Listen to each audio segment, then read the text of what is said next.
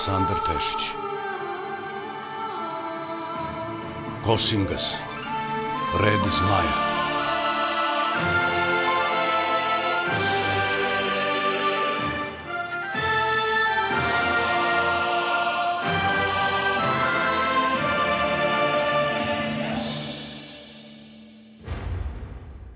Epizoda sedma. Suđa je. Ponedeljak, 6. jul, leta gospodnjeg 6896. Diži se.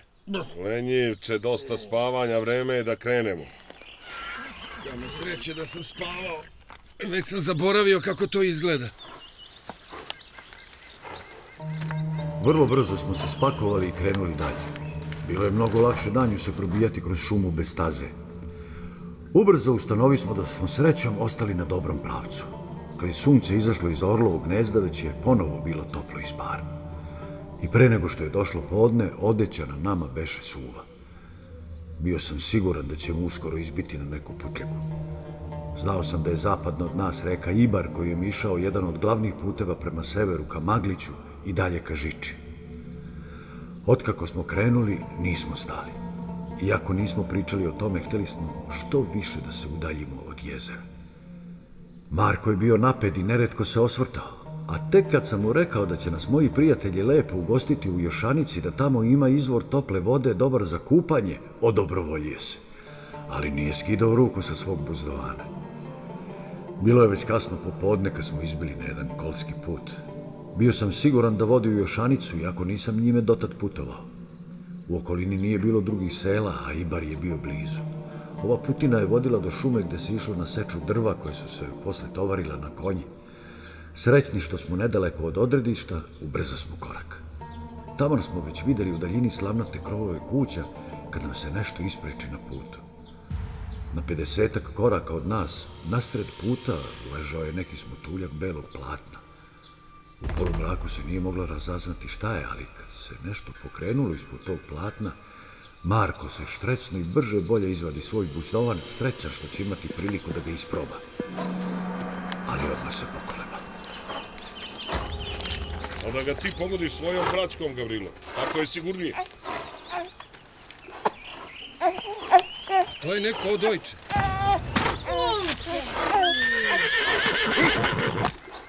Kakav kum te ubio, baba. Kume! Kume! Bilo je kasno. Marko je podigao dete. Gavrilo, ljubite tvoja baba Čuč. Dobro si nam došao. Joj, ja će se Dobriša obraduje. Dve sreće u jednom danu. Kum za Odojče i Gavrilo nam u gostima. Nego, nego zašto ti, Gavrilo, ne uze ovo dete, a? A, što bi malo zmajevito kuma. Sreće li njegove? Znaš, sinko, sirotom Dobriši dva sina umreše odmah po rođenje. Odnele ih proklete babice, mada učinismo sve da ih zaštitimo. Onda je Dobriša rekao da se kum mora da menja i gle čudo. Pošalje on sina prodana, sećaš ga se.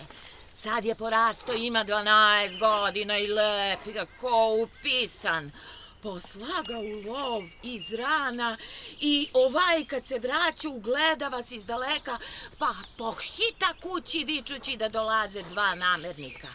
Nije te dete prepoznao Gavrilo. A Dobriša mi kaže, trči pred njih baba i nosi dete, možda ga neko podigne. Aj, ali će svi da se obraduju kad te vide. Nego kako si mi ti, Gavrilo? Popravio si se malo.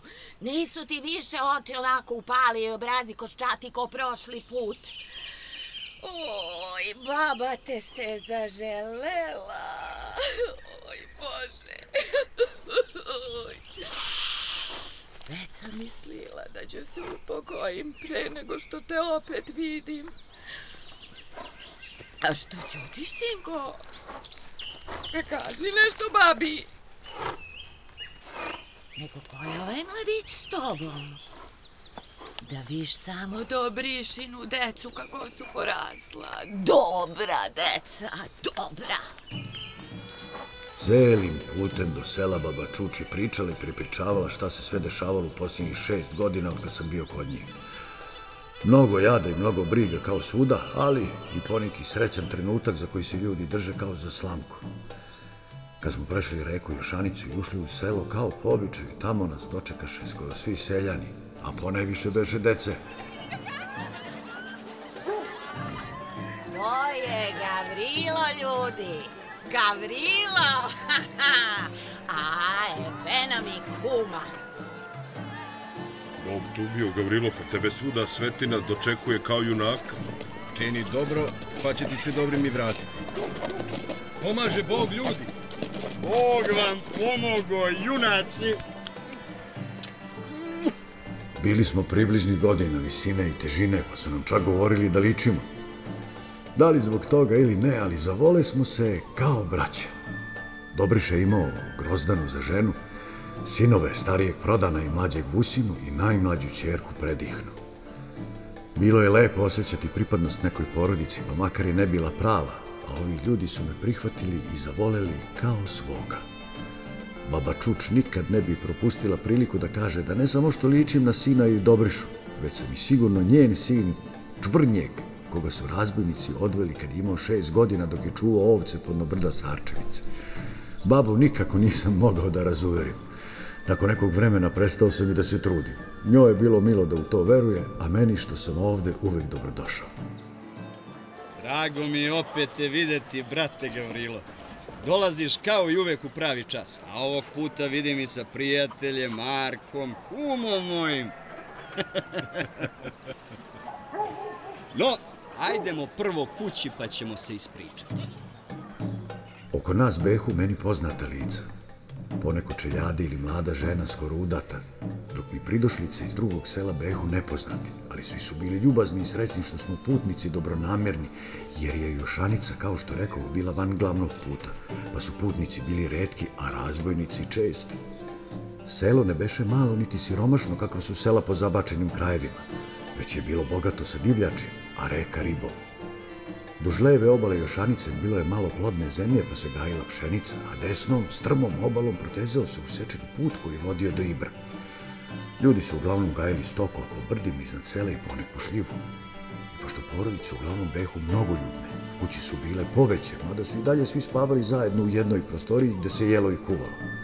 Skoro svaka kuća imala okućnicu s kokoškama i sklepanom štalom za pokoju kravu ili ovcu. Ne bi narod bio toliko siromašan da nisu bile ratne godine pa se moralo odlaziti u vojsku i hrana davati za vojsku i crkvu. Po običaju, najzapuštenije i najsiromašnije behu kuće koje se muške glave iz rata nisu vratile, pa su polako zamirali i propadali. Iako su se ljudi međusobno pomagali koliko su mogli, neretko su udovice s malom decom umirale od gladi zimi, ili bi pak neko od rodbine prisvojio neko dete ako bi ga mogao prehraniti. Rastezalo se koliko se moglo, a često nedovoljno. Rat je ostavljao trage i daleko od bojišta. Svima je bilo važno da bojište ostane što dalje od doma. Bio je skoro mrak kad smo stigli pred Dobrišinu kuću. Marko je i dalje nosio odojče. Hteo je da ga preda nekome, ali baba Čuč ne htede ni da čuje. Običaji se moraju ispoštovati do kraja. Da nam se i ovo čeljade upokoji. Treće da nam se posreći, a muško je, hvala Bogu. Da je žensko, kum je ne bi ni trebao.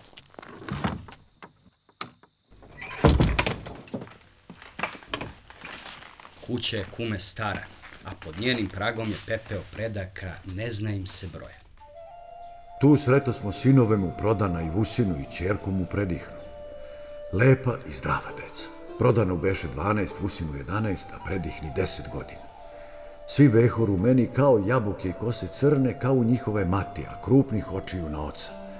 Kraj ognjišta s desne strane ležala je grozdana na slamarici. Lepuška ste žena u ranim 30 Crne kose i tamnije puti, ali lepih, belih zuba, iskrenog osmeha koju me srce da razgali. Bila je poslušna prema Dobriši, mada je on prema njoj bio strog, a umeo je i ruku da digne na nju. No, Tako je bilo skoro svuda, pa nije ni za čuđenje. A on, iako je bio preke naravi, voleo ju i trudio se da joj bude dobar muž i dobar otac deci. Oko grozdanine slamarice, položen konopac u krugu, međa između čistog i nečistog sveta. Jer znamo da su majka i dete nečisti 40 dana i da im u tom periodu preti opasnost od demona babica. Od porođaja demoni babice obleđu i poskakuju oko porodilje i deteta vrebajući priliku da ih umore.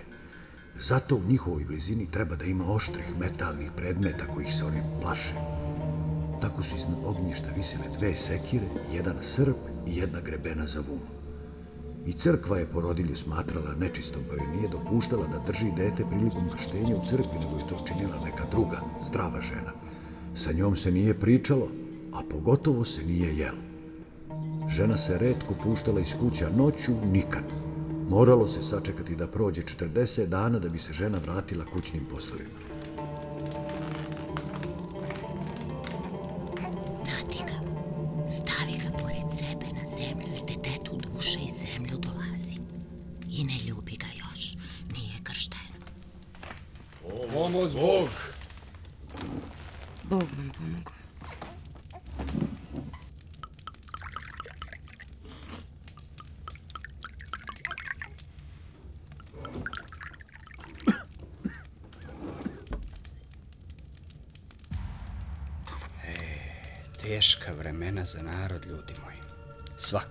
Svako svoju brigu.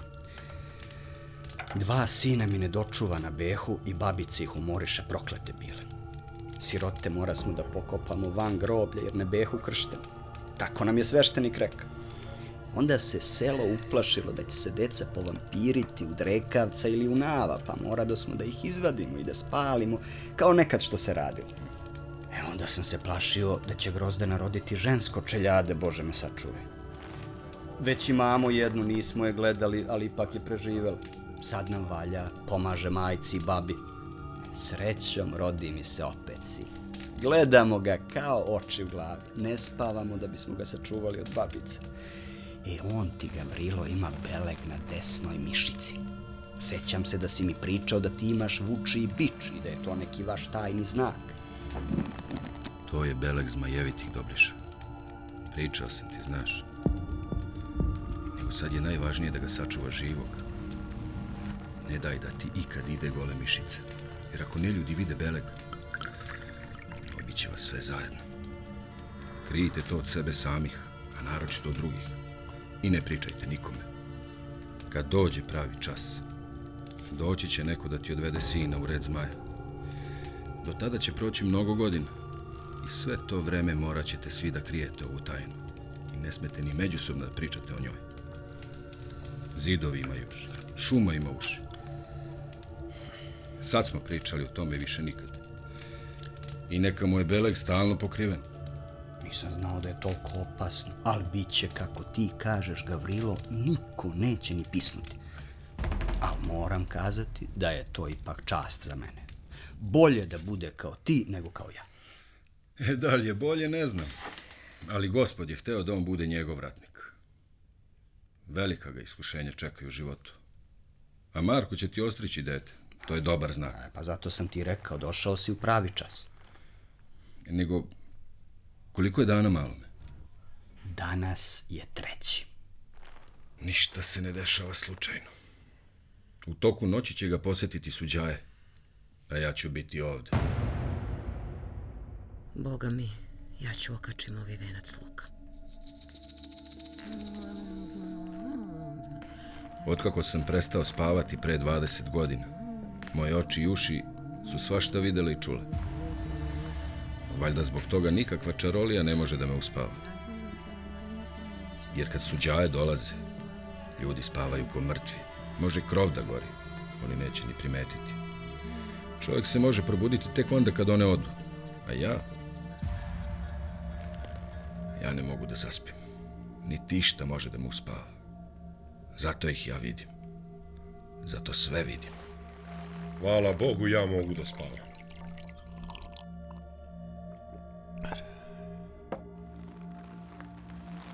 Nego, Gavrilo, šta si ti to sve vidio? Bolje da ne znaš, brate. jer nećeš ni ti smeti oka sklopiti. E, onda mi ništa ne govore. Ne bi da dreždim po cijelu noć kao ti. O ovome više ni reči. Rekao sam šta sam imao. Sad pričamo o drugim stvarima. Hoćeš li da ti Marko striže sina? Kako ćeš ga nazvati? Mislio sam Vukadin zbog Vučijeg belega. Hoću da kum striže mog sina, ali ga neću još krstiti. Deca sporije rastu nakon krštenja. Ko to kaže, Dobriša? Ti znaš da nije tako. Objasnio sam ti prošli put. A ja ne znam ništa, samo ponavljam ono što se u narodu priča. Mani se toga. Mi preko sutra nastavljamo put. Hoćemo još sutra da se odmorimo kod tebe i da se okupamo u onom vašem toplom izvoru. Dobro ste došli da lomimo hleb zajedno i da noćivate kod nas. Baba, donesi sira, luka i pogače. Dolazili su iz Maglića i popisivali za vojsku i opremu. Popisali su i mene i mog sina prodana, iako imao 12 godina. Ja sam bio u svim ratovima u posljednjih 20 godina, a sad obučavam svog najstarijeg sina za strelca. Velim ako je vreme tako da mora da se ide u rat, bar da ne bude u prvim redovima. I ako se pokaže kao dobar, čuvaće ga u pozadini, odakle su najbolji strelci gađali usamljene pešake ili konjicu u napadu. U selu je sve manje muških glava, a glad sve veća. I vlastelini i sveštenici nagovaraju ljude da prave mušku, a ne žensku decu. Muška deca su nam potrebna kako za polje, tako i za vojsku, a ženska deca samo jedu i troše. Ne greši dušu, Dobriša. I ona će ti jednog dana roditi unuke. Mušku decu kojom ćeš se ponositi. I šta ćemo raditi ako bude previše muške dece? Ko će nam rađati decu? U razgovoru vreme brzo prođe, pa smo domaćini i ja još pričali kada su žene, deca i pijani Marko polegali i zaspali. Već je treća noć, a njih još nema. Dođe.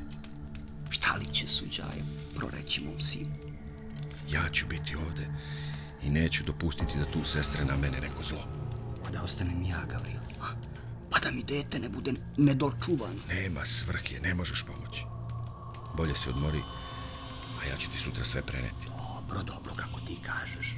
Na stalu su pogača, bosiljak, vino i nekoliko srebrnih novčića kao dar suđajama. Iz dela vode je prazna. Jo. Baba! Diš se! Znaš da se po vodu ne ide kad padne mrak i da uvek moramo imati punu kofu u kući. Idi sad i donesi vodu. Ajde. Još brže nego što je izašla, baba Čuč se vratila sa dopola napunjenom kofom i sva zadihana kao da su je bauci jurili. Ajde, ajde, idi. Ajde, idi, lezi, ja ću napuniti zdelo. Ajde. I tako, negde oko 10 sati uveče, ostah sam za stolom. Svi su spavali dubokim snom. Ja sam ložio vatru kako je običaj nalagao jer je noć bila prohladna. Vetar se spuštao s koponika. Bilo je mirno i tiho. Čak ni baba Čuč nije hrkala kao inače, a odojče se nije budilo. Bilo je gluvo doba noći kad sam taman seo nakon što sam bacio koju cepanicu u ognjište i pogledao prema slamerici gde su Grozdana i Odojče spavali. I imao sam šta da vidim. Nad njima se nadvile tri ženske figure u dugim belim haljinama. Pogledam ostale ukućane, a oni spavaju kao mrtvi. Niko se ne miče, ne vidi se ni da dišu. Sve kao da stoji, osim naš četvor. Njih tri se nadvile nad slamaricom, a ne vidim im noge na zemlji. Izgleda kao da lebde u vazduhu. Priđoh malo bliže da čujem šta su šaputale, kad druga sestra podiže glavu i ugleda. Na tren se iznenadi, ali me prepozna.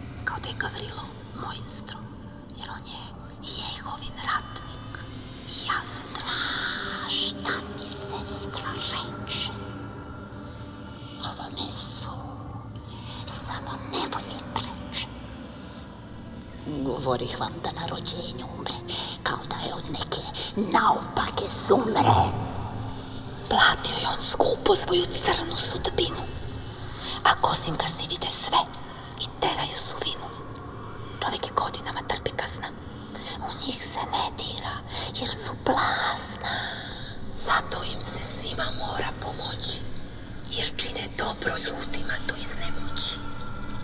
Ne shvatam zašto u udovoljavanju navaljujete.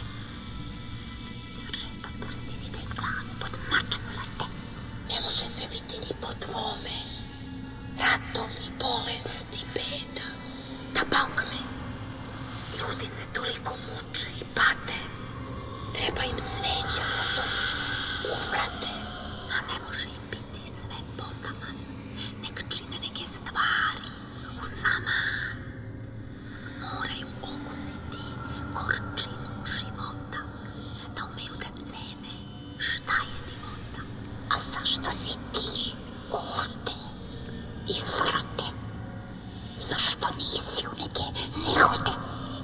Ovde sam da bih čuo šta ćete odrediti za Dobrišinog sina. Šta tebe briga?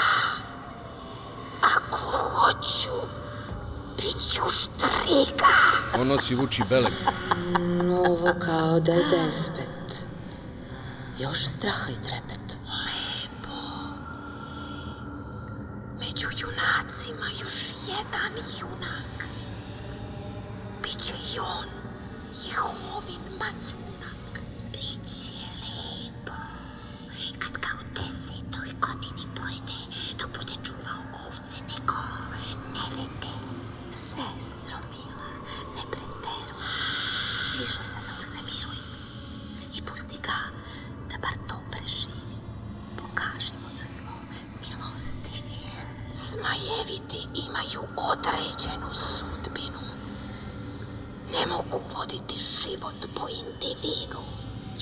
najstarija i morate me poslušati. I prestanite se mojih se reči gnušati. Dovoljno mu je deset godina života. Mogla sam reći da umre kao gubor.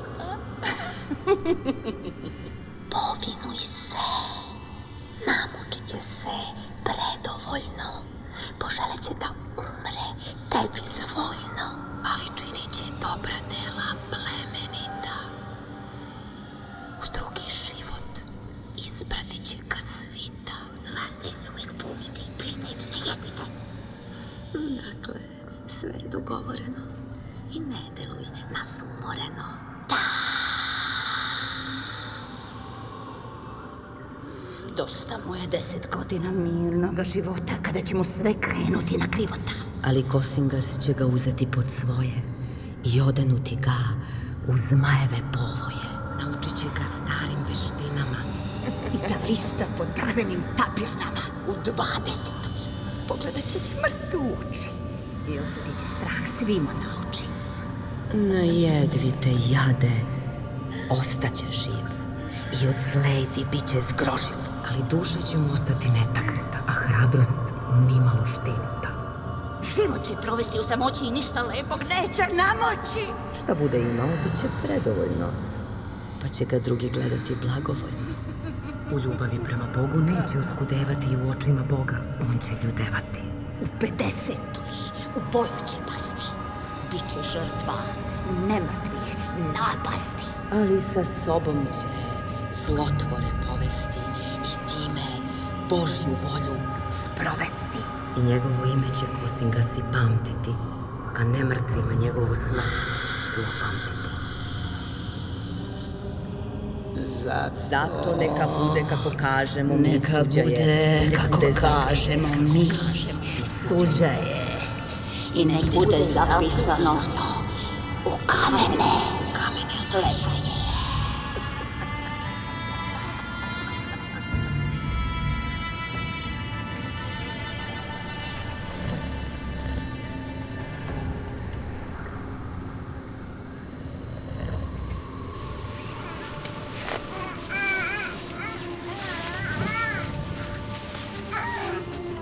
Bez brige. U Kadinu se zalomila dobra i čestita sudbina. Ja ostah da ložim vatru i da sedim za stolom na kome su dobrišini darovi ostali nedirnuti. Ali ne prođoše neprimećeni jer su bili znak dobre volje, darežljivosti i gostoljubivosti ovog siromašnog naroda. Ostadoh tako da sedim sam sa svojim avetima iz prošlosti koji su obigravale oko mene kao demoni babice oko porodilje, ne dajući mi mira ni oka da sklopim, bodući me uz ledi i podsjećajući me na doživljene užase, terajući me da ponekad napipam bolno mesto zbog osjećaja da mi rane opet krvare.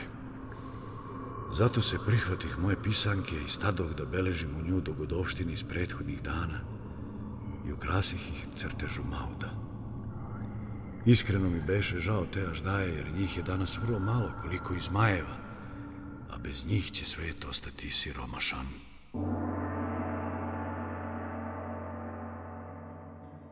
U zoru se ukućeni digoše na noge, pa čak ni Marko nije spavao duže, već je i on hteo čuti šta se desilo sa suđajama. Svi sem grozdane, koja, kako rekoh, još beše nečista, posjedaše za sto i čudeći se slušaše kako su se suđaje međusobno raspravljale oko detetove sudbine. I Svaka ti čas, Gavrilo, kako se možeš baktati s tim neljudima, a da ti dušu ne uzmu.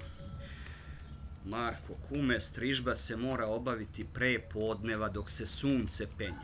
Prvo ti, a onda da odemo do sveštenika, što je sigurno, sigurno je. Pa da se prihvatimo posle. A ti, baba i vi, deco, ajd na noge lagane. Crkva se protivi ovom ritualu kuma i zahteva da sveštenik obavi krštenje, pa i sama preuzela stari običaj striženja. Sveštenici su tako zamenili kuma, ali nisu ga mogli proterati jer je kumstvo u nas odavno. Kao Kosingas nisam video nikakvo zlo u tome, niti sam mislio da običaj treba silom iskoreniti. Crkva je umela mudro da izdvoji kukolj od zrna. A Marko ne beše sve jedno da se prihvati tog rituala jer je bio pravoveran. I mada se svačega nagleda od kako je krenuo na put sa mnom, pokušao je mene da ubedi da ja taj ritual obavim. Kao po običaju, ti si za junio i dete na putu podigao. Sad si kum i ponašaj se tako. Jednog dana ćeš doći po Vukadina i odvesti ga da postane vitez našeg reda. To je tvoja sveta dužnost. Njegova sudbina je sad vezana za tvoju Marku. U slavu Boga Svetovida i kao žrtvu za mene predsima svog kumčeta. Sa čela, sa desne strane, kraj slepog oka, s leve strane i na kraju spotivka. Marko zatim pljosnatim delom noža klepi dete po glavi da ono zaplače, a zatim nekoliko puta jak udari nožem u nož kako bi isterao demoni iz tela deteta iz okoline, jer se znalo da oni beže od zvuka metala. Umotaj pramenove kose u maramu grozdana, pa okači negde visoko, na neko mlado i rodno drvo. Kad se to završilo, a kako je odojče još nečisto, kum je dobio kofu vode da opere ruke, a predihna mu je sipala vodu iz bokala. I ritual se time završio. Baba Ču čumota po i deci s nešto pogače i sira i otera ih da čuvaju ovce. Zatim i baba i Dobriša otiđoše svojim poslom, a Marko i ja na izvor tople vode. Dogovori smo se da popodne nastavimo put. Želeli smo što pre da stignemo u Maglić i odatle pošaljemo poruku Lazaru. Na izlazu iz sela ne smo na izvor tople vode koji je napravio malo jezerce što se izlivalo dalje u Jošanicu. Tu ne zateko smo nikoga, pa se raspojasa smo na brzinu ne bili se plakali.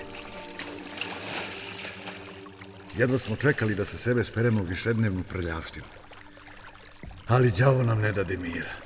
Taman uđemo u vodu kad iz sela zatalabukaše, pa nastade vriska žena i dece.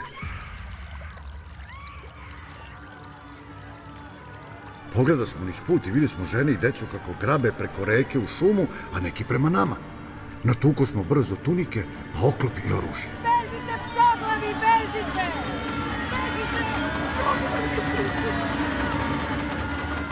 Ne pamtim kad su psoglavi posljednji put viđeni van Uomulja. Tamo je čvorište, njihova teritorija, ali van nje se nisu pojavljivali. Redko su izlazili iz pećina. Vreme ratovanja s njima davno je prošlo. Otkud oni blizu puta i da napadnu selo usred dana? Marko, daj ruku. Ima magarca, ali znam da jaše konja. Reći.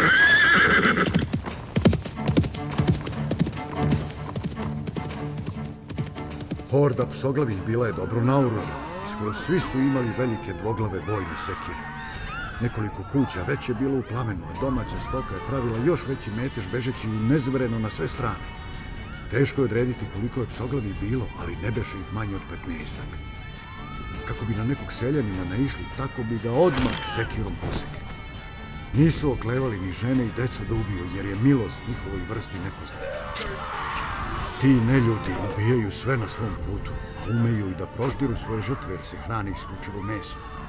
Pa ipak su dovoljno bistri da budu vrlo opasan neprijatelj, a svog vođu prate do smrti. Marko i ja ulete smo u metežu. Marko,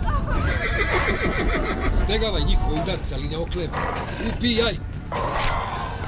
Zamantija Haljin, a on ustuknu kad vide moj zmajski oklop kao da ga je prepoznao dovoljno beše i to što izvadih kurjan i ne dočekah ga golorok. Zamahnu on jako nekoliko puta toljagom koja prozvižda oko moje glave i koja bi mi je oča smrskala, pa kad otkrim nebranjene grudi, zarih mi ljuto rezivo, a njemu udari krv na usta i on zakrke. U to Marko ulete vitlujući zmajato među tri psoglava, pa kad ga ovi vidoše, nagrnoše na njega režići. i drugi kad ga ugledaše narogušiše se i potrčaše prema njemu. Soglavi obično ne biraju koga će napasti, nego ubijaju svakog ko im dođe pod ruku. Osim ako, ako im nije naređeno. Tad mi sinu i sve mi bi jasno. Oni su napali selo tražeći nas.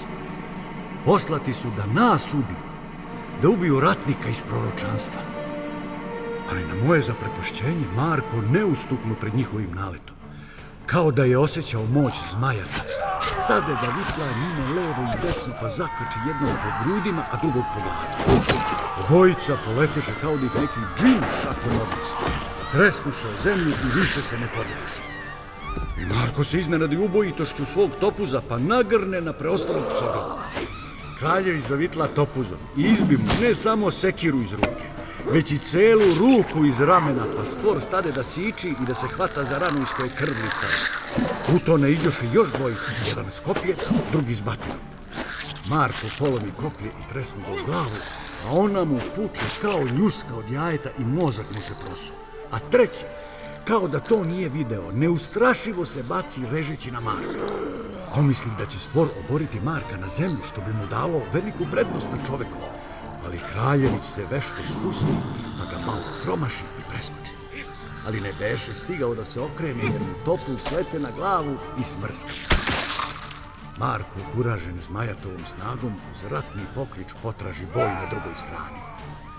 Umeđu vremenu, ja potrčah ka Dobrišinoj kući i odmah spazih da ona ne gori, ali vrata joj behu razvaljena. Setih se da je baba Čuč poslala decu sa ovcama pa odahnu, ali znao sam da je Grozdana ostala u kući s Vukadinom, pa poček da strepim za njih dvoje. Kao besna furija uleteh s kurjakom u ruci u kuću da zatekog dva psobrova. Jedan je držao Vukadinu za nogu pa je dete viselo na glavačku igrišta, a drugi je pretio sekirom Grozdani koja je ležala na slamarici uplakana i uplašena za svoje dete.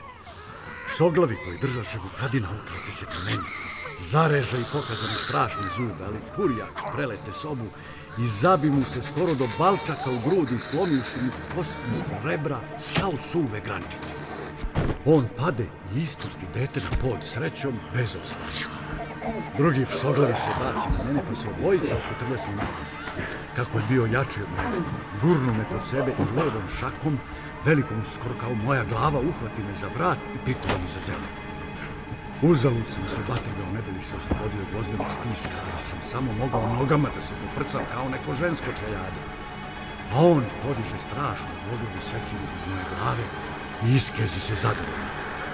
Već pomislih da je i meni kucnu čas da gospod moju dušu već čeka, kad krajičku ruka spazi Marka kako priskače vitla strašnim zmajatom. Zadade mu udarac kakav dotad nisam jednim zamahom otkide glavu s ramena, a da se psoglavi nije ni pomerio.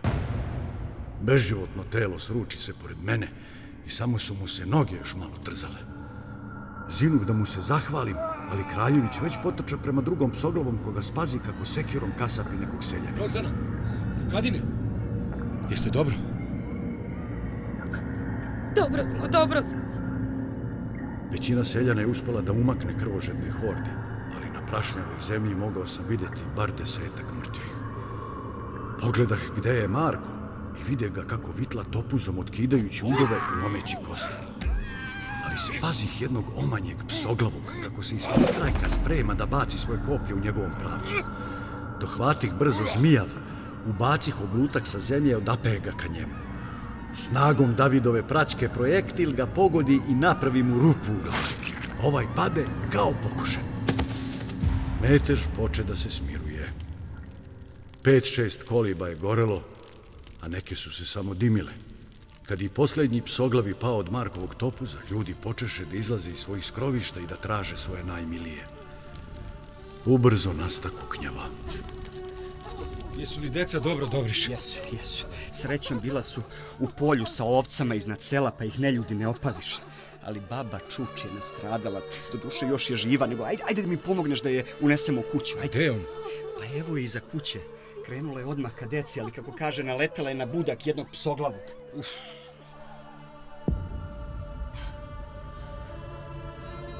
Gavrilo, sine. Bićeš ti dobro, majko. Jaka si ti. Mm. Majko. Prvi put da mi tako kažeš. Oh, Gavrila. Oh, ovo neće izaći na dobro.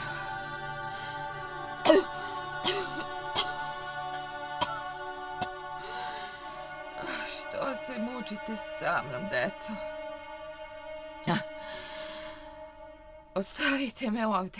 Ma šta pričaš, baba? Ajde, unećemo te u kuću.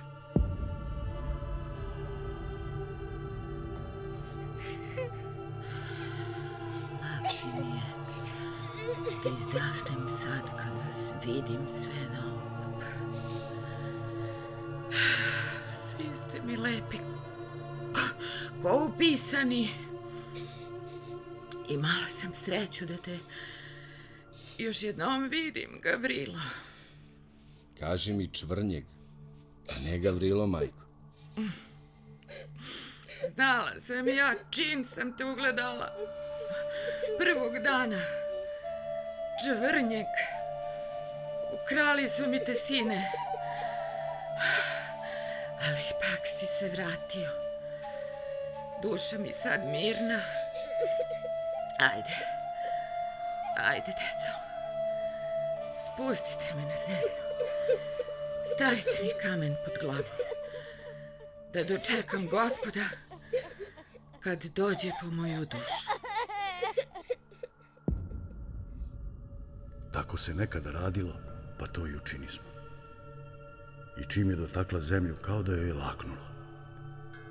I taman da joj dam posljednju pričast, kad baba Čuč izdahnu. Prekrstimo se svi, a Dobriša brže bolje otvori sve prozore da joj duša na miru izađe i potraži kako pogodno drvo u blizini na kome može da se odmori. Ja uzeh sa stola jednu dopolo dogorelu sveću, zapalih je i stavih kraj babine glave da se ne bi povampirila i stadoh se moliti za njenu dušu. Muške glave brzo se prihvatiše da prvo pogase požar, da se vatra ne bi proširila ni na druge kuće. Nakon toga ljudi svoje mrtve odnesoše kućama, a ostali odvukoše mrtve psoglave njih dvadesetak do reke Jošanice, potopiše ih u vodu i pritegnuše ih teškim kamenjem da ih struja ne odnese. To se radilo da bi se sprečio smrad i rojevi mušica koji su se okupljale oko mrtvih, dok se ne vidi šta će raditi sa njima. Ne prođe dugo, a pojavi se na našim vratima neka mlađa žena s crnom maramom ti si. Ajde, ulazi. Joj, kuku, meni šta me snađe. O, gospode, pomozi mi. Hoćeš prvo da pometem? Odvoljeti. Dobro, dobro. Gospode, pomozi mi. Si, si. Ona se prekrsti kad vide babu čuč na zemlji i stade se dogovarati s Dobrišom o oko spremanja i kuvanja. Bila je to žena koja je umrla prvo dete prošle godine i ona je po običaju mesila obredne hlebove, poskurice i krsnik i skupljala smeće u kući u kojoj je ležao pokojnik. Nakon što se dogovorila s domaćinom, on joj donese s polja jedan dugačak ekser, a ona ga, pošto mi položi smo babu Čuč na sto, zabode tamo gdje je ležala glava i sekirom ga zabiju u zemlje da se baba ne bi povampirila. Marko je sve to posmatrao s nevericom. Iako smo se Marko i ja nameračili da tog dana nastavimo dalje, beše jasno da ćemo morati da sačekamo do sutra. Dok su Dobriša i njegovi ukućeni oplakivali babu Čuč i pripremali se za obred sahrane, Marko i ja izađo smo među ljude da vidimo trebali kome pomoći. Tako sazna smo da je osim 20 psoglavih poginuli 16 seljaka, 5 žena i jedno dete. Obradovah se kad mi je Marko rekao da je on sam ubio 12 njih i to sve zahvaljujući Zmajatu, koji je pred sobom kao vihor raznosio suvo lišće i osjetih olakšanje što je to oružje ipak u pravim rukama. Marko je s zagledao glavu topu za subitačnim percima koje su svetlicala na suncu. Dok smo stajali na obali reke i od ozgo gledali na psoglave u vodi, razmišljao sam o njihovoj ulozi u ovoj zaveri. Ako Todorci nisu smeli da izađu na svetlost dana, psoglavima sunce nije smetalo. Savez među njima postojao je od pamtiveka i psoglavi su uvek služili Todorcima, mada se njihov broj nakon potopa znatno smanjio i više nisu predstavljali toliku opasnost. Pa ipak, potop je bio pre deset hiljada godina. Mogli su se namnožiti. A Marko ih je gledao u čudu. Slušao je on priče o njima, ali nikad dotad ih nije video. Ostavi ga na obali da gleda i zagleda bauke i zada. U predvečer je nasta zatiši u selu i svi se zatvoriše po svojim kućama. Beše to vreme kad se nije smelo ni proviriti napolja, kamoli izlaziti, čak ni po vodu, jer je Baba Roga, boginja mrtvih, dolazila po duše mrtvih, ali umela je odvući sa sobom i duše živih koji bi se drznuli da je stanu na put. Ljudi bi zadrhtali kad čuju nepoznate zvuke napolju i nipošto ne bi otvarali vrata. Po predanju, ona bi tri put pokucala na vrata kuće u kojoj pokojnik umro i tako dala do znanja da je došla po njegovu dušu. I Marko je znao za to, ali odmahnuo je rukom kad je Dobriša svima rekao da se ne otvaraju vrata ako neko pokuca. Tek se bilo smrklo i Dobriša je izneo na sto nešto pogače sira i luka i sušene ovčetine, kad neko pokuca na vrata. Tri put. Svi se zgleda smo. Deca se pribiše uz Dobrišu i uz mene, a Grozdana privi odojče uz zase. Ništa se nije čulo osim pucketanja vatre u ognjištu. Baba Čuči je ležala na zemlji gde je izdahnula s glavom na ekseru zabijenom u zemlju. Marko napravi nagli pokret da ustane, ali ja ga uhvatih za ruku i jako ga stegoh. Ne junači se kad ne treba. U neke stvari ni kosinga si ne diraju. Dobriš, spaljivanje je prošlost. Svuda se mrtvi sahranjuju. Svuda. Svuda. Gde? Samo po gradovima.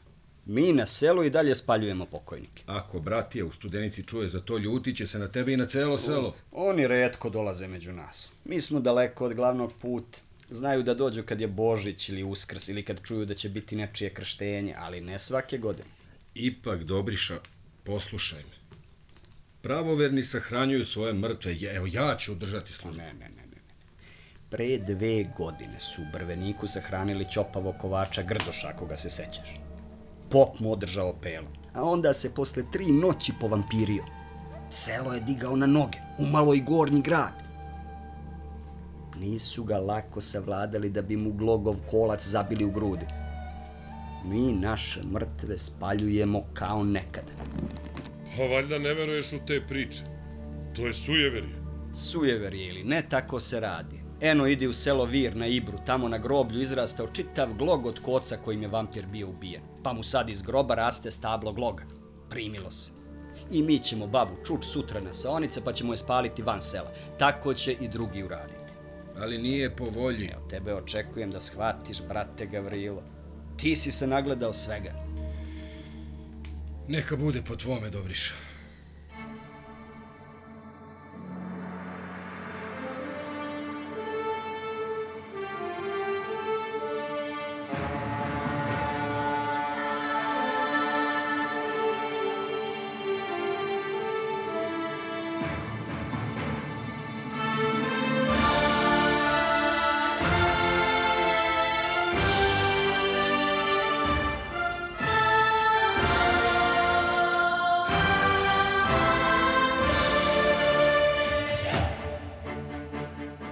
Slušali ste sedmu epizodu Kosingas, Red Zmaja Aleksandra Tešića.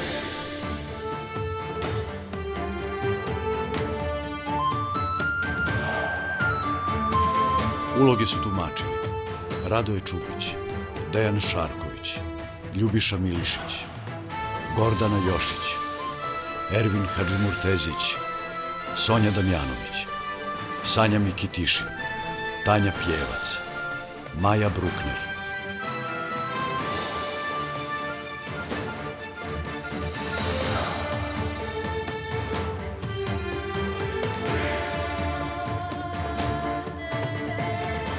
Dizajn zvuka Aleksandar Marković. Ton majstor Milorad Ičitović. Reditelj Manuel Srni. Kompozitor Nikola Jeremić.